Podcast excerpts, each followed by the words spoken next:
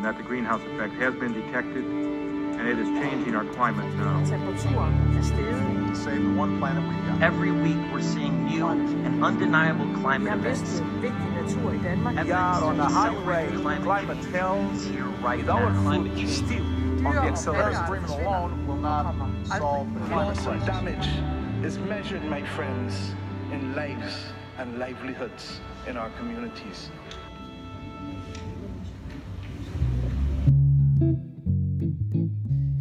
Den her serie fra Juristeriet skal vi tale om jurens rolle i klimakrisen. Vi skal tale med juridiske forskere, der undersøger en række forskellige områder af juraen med den centrale fællesnævner, at de alle beskæftiger sig med konsekvenser af klimaforandringerne. Og så er de optaget af, hvordan juraen kan bidrage til at finde mulige løsninger på en vej ud af krisen. I dette første afsnit skal vi tale om nogle af de helt grundlæggende juridiske strukturer, der bliver sat på prøve, når vi forsøger at håndtere klimakrisens komplekse juridiske problemstillinger. For hvordan redder vi naturen, dyrene og planeten i øvrigt, når vores juridiske system er designet til at beskytte os mennesker og de ting, som vi ejer? Hvordan beviser vi i en retssal, at store udledere af drivhusgasser har et ansvar for de skader, som deres udledning er skyld i? Og hvordan håndhæver vi det ansvar på tværs af tid og landegrænser? Det har jeg taget en snak med Henrik Palmer om. Han er professor i retslærer her på det juridiske fakultet, og så kan han måske gøre os lidt klogere på nogle af de juridiske grundbegreber, der kommer under pres i kampen for klimaretfærdighed. Mit navn er Emil Tarvang. Velkommen til. Velkommen til dig, Henrik Palmer. Tak skal du have. Som jeg også nævnte i det her lille intro-speak, så skal vi jo i dag tale om nogle af de grundlæggende juridiske problemstillinger, som klimaforandringerne rejser. Og her måske særligt den måde, klimakrisen sætter nogle af jurens helt øh, grundlæggende idéer lidt på prøve. Øhm, I den forbindelse kunne jeg godt tænke mig at starte med at spørge dig, hvem er juraen egentlig udviklet til at beskytte? Jamen, altså, juraen er jo primært udviklet til at øh, sikre, at øh, samfund øh, kan være velfungerende. Øh, oprindeligt jo udviklet i bysamfund øh, af, af mindre størrelse, men jo i dag øh, altså udviklet også til at kunne skulle rumme og regulere hele stater, altså nationer. Øh, så det er altså det er det menneskelige samfund, der står i centrum for den juridiske regulering. Men det kan vel godt skabe nogle udfordringer, når det er dyrene og naturen og planeten i øvrigt, der har brug for juridisk beskyttelse? Ja, altså man kan sige, øh, der er i og for sig ikke noget nyt i, at man øh, har regulering, som retter sig mod miljøet og naturen. Altså vi har i forvejen i dag altså øh, naturbeskyttelseslovgivning, vi har miljølovgivning, vi har dyrevelfærdslovgivning osv. Men øh, det er jo alt sammen baseret på regler, der retter sig mod menneskers adfærd. Øh, og dyrene har ikke nogen selvstændig status i retssystemet, og det har naturen heller ikke. Øh, Øh, så på den måde, så kan man sige, at øh, naturen og dyrene har egentlig ikke selv nogen rettigheder. Det er stadigvæk kun mennesker, der har rettigheder og pligter. Øh, og nogle af de her regler retter sig så øh, selvfølgelig mod, mod dyrene eller naturen, som, som så er en beskyttelsesgenstand, men det er rettighederne og pligterne, der knytter sig til mennesker. Og det, øh, som er noget af det nye inden for, for forskning, også nogle steder faktisk implementeret i praksis, er jo den her idé om, at naturen eller dele af naturen øh, kan have rettigheder i retssystemet, og dermed også kan opnå øh, det, man kalder for retssubjektivitet, altså de optræder som juridiske personer i retssystemet og kan lægge sager an mod mennesker og, og kan have rettigheder, der retter sig mod mennesker. Ja, og hvis man synes, det lyder lidt specielt, så, øh, så er det også fordi, at det, som du siger, er ganske nyt. Det er noget, der bliver forsket i, og noget, der er implementeret enkelte steder. Simpelthen ideen om at give naturlige fænomener, for eksempel en konkret flod eller en skov, det man kalder retsevne, og på den måde give dem status som en juridisk person, der kan føre en sag. Øhm, og hvis man synes, det lyder lige vel langhåret, så kan det være, at vi lige skal starte med at se på, hvad der egentlig helt grundlæggende skal til for, at noget har status som en juridisk person. Kan du, kan du sige lidt mere om det? Ja, altså det er jo det, der gør det til en, til en meget ny måde at tænke på, fordi øh, inden for sådan klassisk juridisk tænkning, så øh, en forudsætning for, at man kan have status som en juridisk person, det er jo altså, at man øh, kan have både øh, rettigheder og pligter knyttet til sin person, og det forudsætter jo igen typisk, at du har en form for agens, Altså, at du er i stand til aktivt øh, at overholde og, og forfølge øh, regler og, og formål osv. Og, og altså på den måde forstå og forholde dig til de retsregler, som gælder. Øhm, og der er det, kan man jo sige, at det er nok lidt svært for måske en flod eller en, en flodhest eller et, et sjældent dyr øh, at agere inden for rammerne af et retssystem. Altså, øh, der er ikke nogen, noget grundlag for at antage, at de kan forstå retssystemet. Vi har ikke nogen måder at kommunikere med dem om retssystemet. Og der er heller ikke noget, der tyder på, at de kan interagere øh, med mennesker på en, på en sådan måde. Og det er det, der gør, at øh, det optræder som en meget speciel konstruktion, kan man sige. Ja, vel også fordi, at den her konstruktion jo i praksis vil forpligte det her naturlige fænomen til at kunne stå til ansvar. Præcis. Altså, det er jo det, er jo det der også er, er udfordringerne ved det. Altså, det er klart, at retssystemet er jo en menneskelig konstruktion. Der er ikke noget naturligt i det, så vi kan, vi kan jo sådan set konstruere retssystemerne, som vi vil. Og man kan også godt øh, give status til, til naturen, eller dele af naturen, en flod for eksempel, eller nogle træer, eller nogle dyr, kan man godt give status øh, som juridiske personer, og give dem mulighed for at optræde i retssystemet. Men øh, der er jo også eksempler på, at det giver anledning til nye typer af problemer, øh, som du selv påpeger der. Altså man kunne sige, jamen, der kan være en flod, man måske gerne vil beskytte, og så vil man give den status af at være en juridisk person. Men så får floden jo også pludselig øh, måske ansvar og nogle pligter. Øh, hvad gør man så, når floden løber over sine bredder, for eksempel, og skader øh, andres ejendom? Øh, så bliver floden jo måske lige pludselig erstatningsansvarlig. Øh, og hvordan skal man håndtere den situation?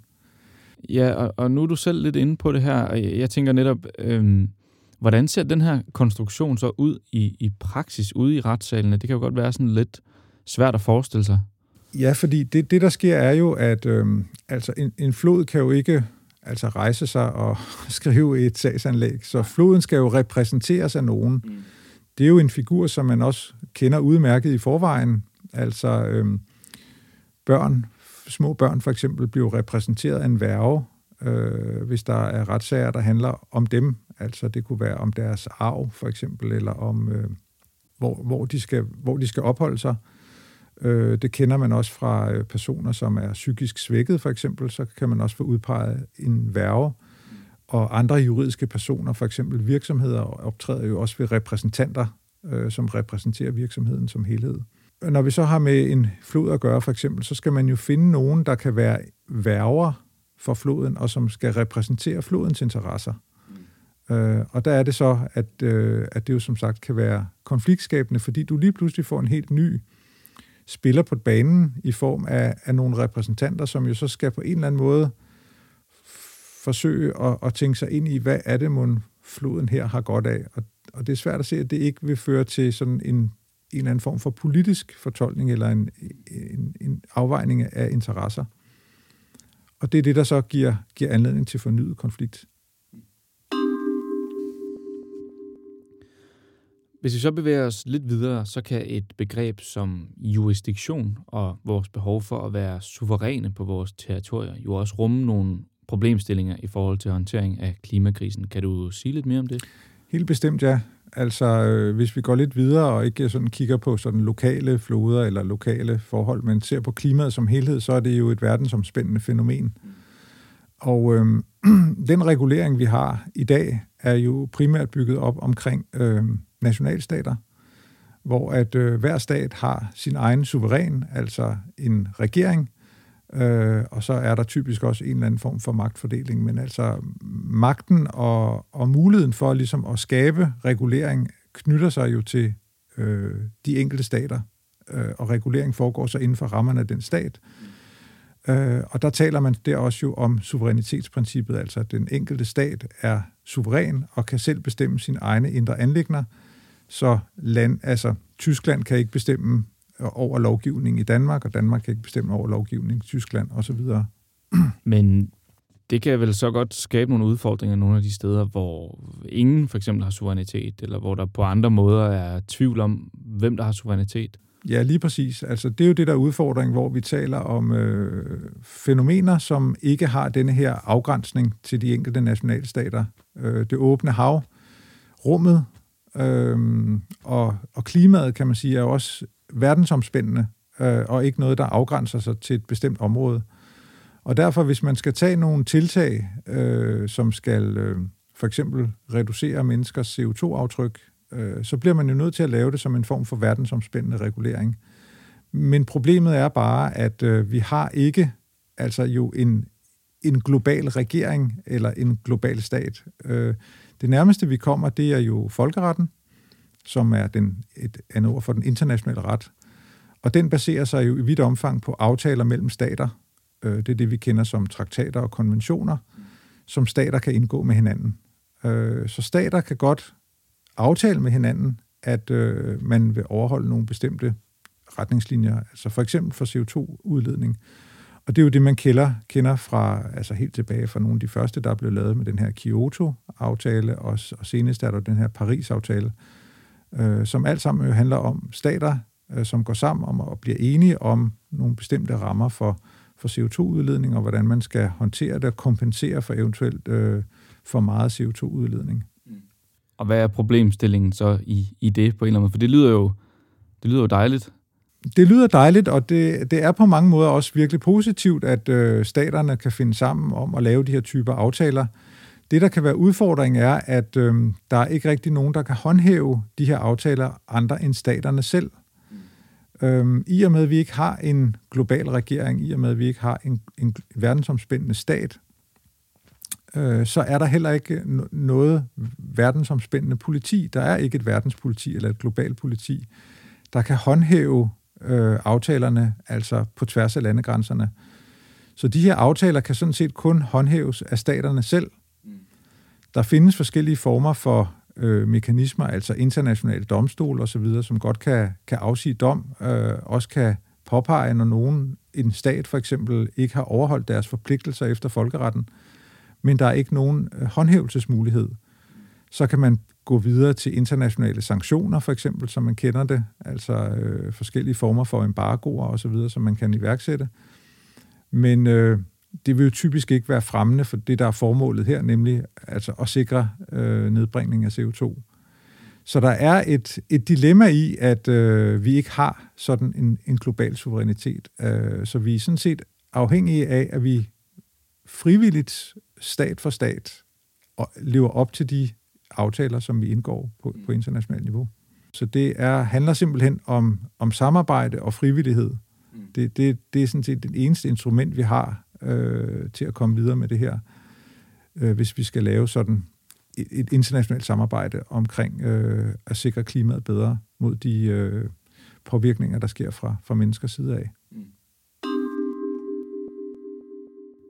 Hvis vi så bevæger os lidt væk fra det internationale lovplan og mere over i det nationale plan, så ser vi i de her år en meget markant stigning i antallet af klimaretssager. Og i en del af de her sager, der spiller erstatningsretten en interessant rolle. Kan du sige lidt øh, om den udvikling? Ja, det kan jeg godt. Øh, det, det er jo også en, en ret spændende og ny udvikling faktisk, øh, der finder sted her, hvor at øh, man har øh, nogle, nogle personer eller nogle organisationer, øh, som på forskellige måder bliver negativt påvirket af klimaforandringerne. Øh, det kan være sådan, at øh, klimaforandringerne simpelthen øh, underminerer deres mulighed for at opretholde øh, deres livsform. Og øh, der er eksempler på, at øh, der er øh, anlagt retssager, øh, hvor man simpelthen forsøger at, at identificere øh, det, man kalder for en skadevolder. Altså det er jo det, øh, inden for erstatningsretten, der arbejder man med skadelidte og skadevolder, som er de to parter i retssagen. Øh, og det er jo skadelidte, altså dem, som har lidt tab, øh, der lægger sag an mod skadevolder, som er dem, der har forårsaget tabet. Øh, Og her er der jo eksempler på, at man, man forsøger at, at kræve erstatning fra øh, energivirksomheder og energiselskaber, fordi de øh, med deres øh, for eksempel meget øh, intense brug af øh, fossile brændstoffer har været med til at fremme CO2-udledning. Og øh, der er flere eksempler på den type, type retssager, så det, der går man ligesom en anden vej, øh, i stedet for at tale om, at øh, jamen, nu skal vi have sådan nogle internationale traktater og konventioner, så går man altså direkte med erstatningsretlige regler og principper, øh, som man så anlægger ved en national domstol. Mm. Så man forsøger altså på den måde at gøre de store CO2-udledere erstatningsansvarlige for de skader, som deres udledning har forvoldt. Altså så man kunne forestille sig sagsanlæg mod nogle af de store energigiganter, Shell eller BP. Øhm, men jeg tænker, det må vel skabe nogle udfordringer for det erstatningsretlige grundprincip, der handler om, at der er nødt til at være kausalitet imellem den skade, der bliver, der bliver udført, og så den skade lidte. Altså, er det ikke rigtigt forstået? Jo, altså, øh, der skal være kausalitet mellem de handlinger, som skadevolder har foretaget, og den skade, som er indtruffet for skadelidte. Og det vil sige, at øh, dem, der har anlagt sagen her, de skal jo sådan set kunne bevise, at det er handlinger, som Shell har foretaget sig. Nu, nu bliver vi ved Shell som eksempel. Uh, undskyld Shell, men uh, det, det er altså uh, det eksempel, vi bruger her. Så de handlinger, som Shell som virksomhed har foretaget, skal altså kunne henføres uh, til, altså skal være årsag til, at uh, for eksempel uh, mit landområde er blevet oversvømmet. Og det kan være meget vanskeligt at bevise, øh, fordi der er mange forskellige CO2-udledere rundt omkring i verden. Øh, og hvordan kan man egentlig bevise, at det lige præcis er den øh, CO2-udledning, som Shell har foretaget, der har, har forårsaget, at mit landområde er blevet oversvømmet, og ikke nogen andres CO2-udledning. Så på den måde, altså hvis man skal holde fast i at bruge erstatningsretten, så har man altså en betydelig bevisbyrde, som man skal løfte. Ja, og hvordan kan man så håndtere den bevisbyrde? Fordi det lyder jo som en meget vanskelig kausalitet at etablere. Lige præcis, ja. Øh, men også der er der faktisk udviklinger, altså fordi der, der griber man jo så til øh, videnskabelige modeller, øh, der ligesom skal forklare, hvordan specifikke øh, aktiviteter, altså øh, specifik CO2-udledning, hvordan det påvirker specifikke steder rundt omkring på kloden. Altså sådan, at man måske kan bevise, at det faktisk er den her bestemte CO2-udledning, som, som har haft betydning for et, et bestemt område. Man kan også tænke sig, at man øh, har andre modeller, hvor man siger, jamen altså, det kan godt være, at Shell ikke alene øh, har ansvaret, men måske i sammenhæng med andre øh, større CO2-udledere, og så kan man beregne øh, en andel af et ansvar eventuelt. Øh, mm den, den type tankegang kan også, også komme på banen. Så der, der, det synes jeg også er et meget spændende og dynamisk retsområde, faktisk, altså øh, erstatningsretten, som peger direkte mod øh, nogle af de, to, de store CO2-udledere. Mm.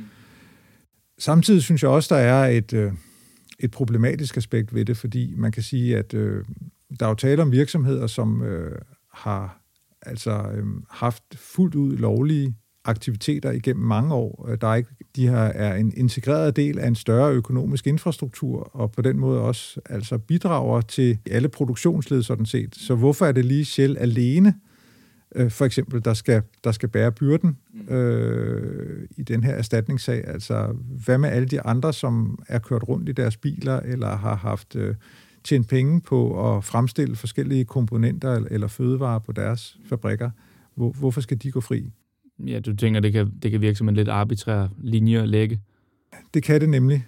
Øh, altså, man, man udpeger et bestemt, måske lidt tilfældigt led i, i, i rækken øh, af virksomheder, der har, har, været, har bidraget her. Øh, måske ikke helt tilfældigt, fordi man vil typisk pege på nogen, der kan betale. Altså, så det, det vil typisk være, at man retter et krav mod nogen, der har kapital til at kunne betale, eller eventuelt til at indgå et forlig. Øhm, men det, det, er, det er klart, det er, det er en rigtig spændende udvikling, og det er selvfølgelig også noget, der fører til omtanke hos energivirksomhederne, og på den måde kan, kan retssagerne sådan set øh, være et incitament til, at man begynder at omstille sig til mere bæredygtige energiformer. Så, så, så ligesom at jeg synes, det kan være altså, problematisk, fordi der ligger det her arbitrær i det, så er der også noget positivt i, at det skaber faktisk incitamenter og presser nogle af de her virksomheder til at tænke på en ny måde omkring deres energiproduktion. Henrik, nu har vi jo talt en hel del om alle de udfordringer, som juraen står overfor, men hvis vi her mod slutningen skulle prøve at vende blikket lidt mod den juridiske forskning og jurens potentiale for så at udvikle gode løsninger på alle de her mange problemer, Hvordan ser du så det potentiale? Der mener jeg, der er et stort potentiale. Altså det, det synes jeg godt, jeg kan se, øh, når jeg bare ser på vores eget fakultet her, øh, det juridiske fakultet på Københavns Universitet. Øh, vi har mange rigtig, rigtig gode, fremsynede øh, forskningsprojekter, der handler om, hvordan juraen kan spille en rolle i den, øh, i den grønne omstilling. Øh, så, så jeg mener sådan set, at der er, ligger et ret stort potentiale, øh, og så, så idéerne mangler faktisk ikke, øh, og heller ikke, altså kan man sige, evnen til at se løsningerne. Men det er klart, at forskerne kan jo ikke selv implementere deres løsningsforslag. Det kræver også, at der er politisk vilje til at samle de her løsningsforslag op, øh, og vilje til at omsætte dem fra idé til politisk og juridisk virkelighed. Og det kræver jo altså, at øh, der er den fornødne vilje hos beslutningstagerne, altså det vil sige øh, Folketinget og regeringen, som i fællesskab kan, kan lave en ny og bedre lovgivning på det her område. Mm. Så når vi kigger på forskningspotentiale, så er du fortrøstningsfuld, men øh, måske lidt mere tøvende omkring beslutningstagernes vilje. Jeg er bestemt øh, fortrøstningsfuld, når jeg kigger på, på forskningen. Øh, nogle gange synes jeg måske, det går lidt for langsomt med at omsætte idéerne til øh, realiserbar jura. Øh, og det tror jeg nok hænger sammen med, at der sikkert er mange økonomiske interesser på spil, som kan gøre det vanskeligt for politiske beslutningstagere at træffe nogle af de nødvendige beslutninger. Der er måske en tendens til, at man kigger lidt kortsynet frem mod næste folketingsvalg, og ikke helt tænker nok på øh, fremtidige generationer, jo skal leve med konsekvenserne af, af de valg, der bliver truffet nu. Og med det vil jeg bare sige, Henrik Palmer, tusind tak, fordi du kom. Velbekomme.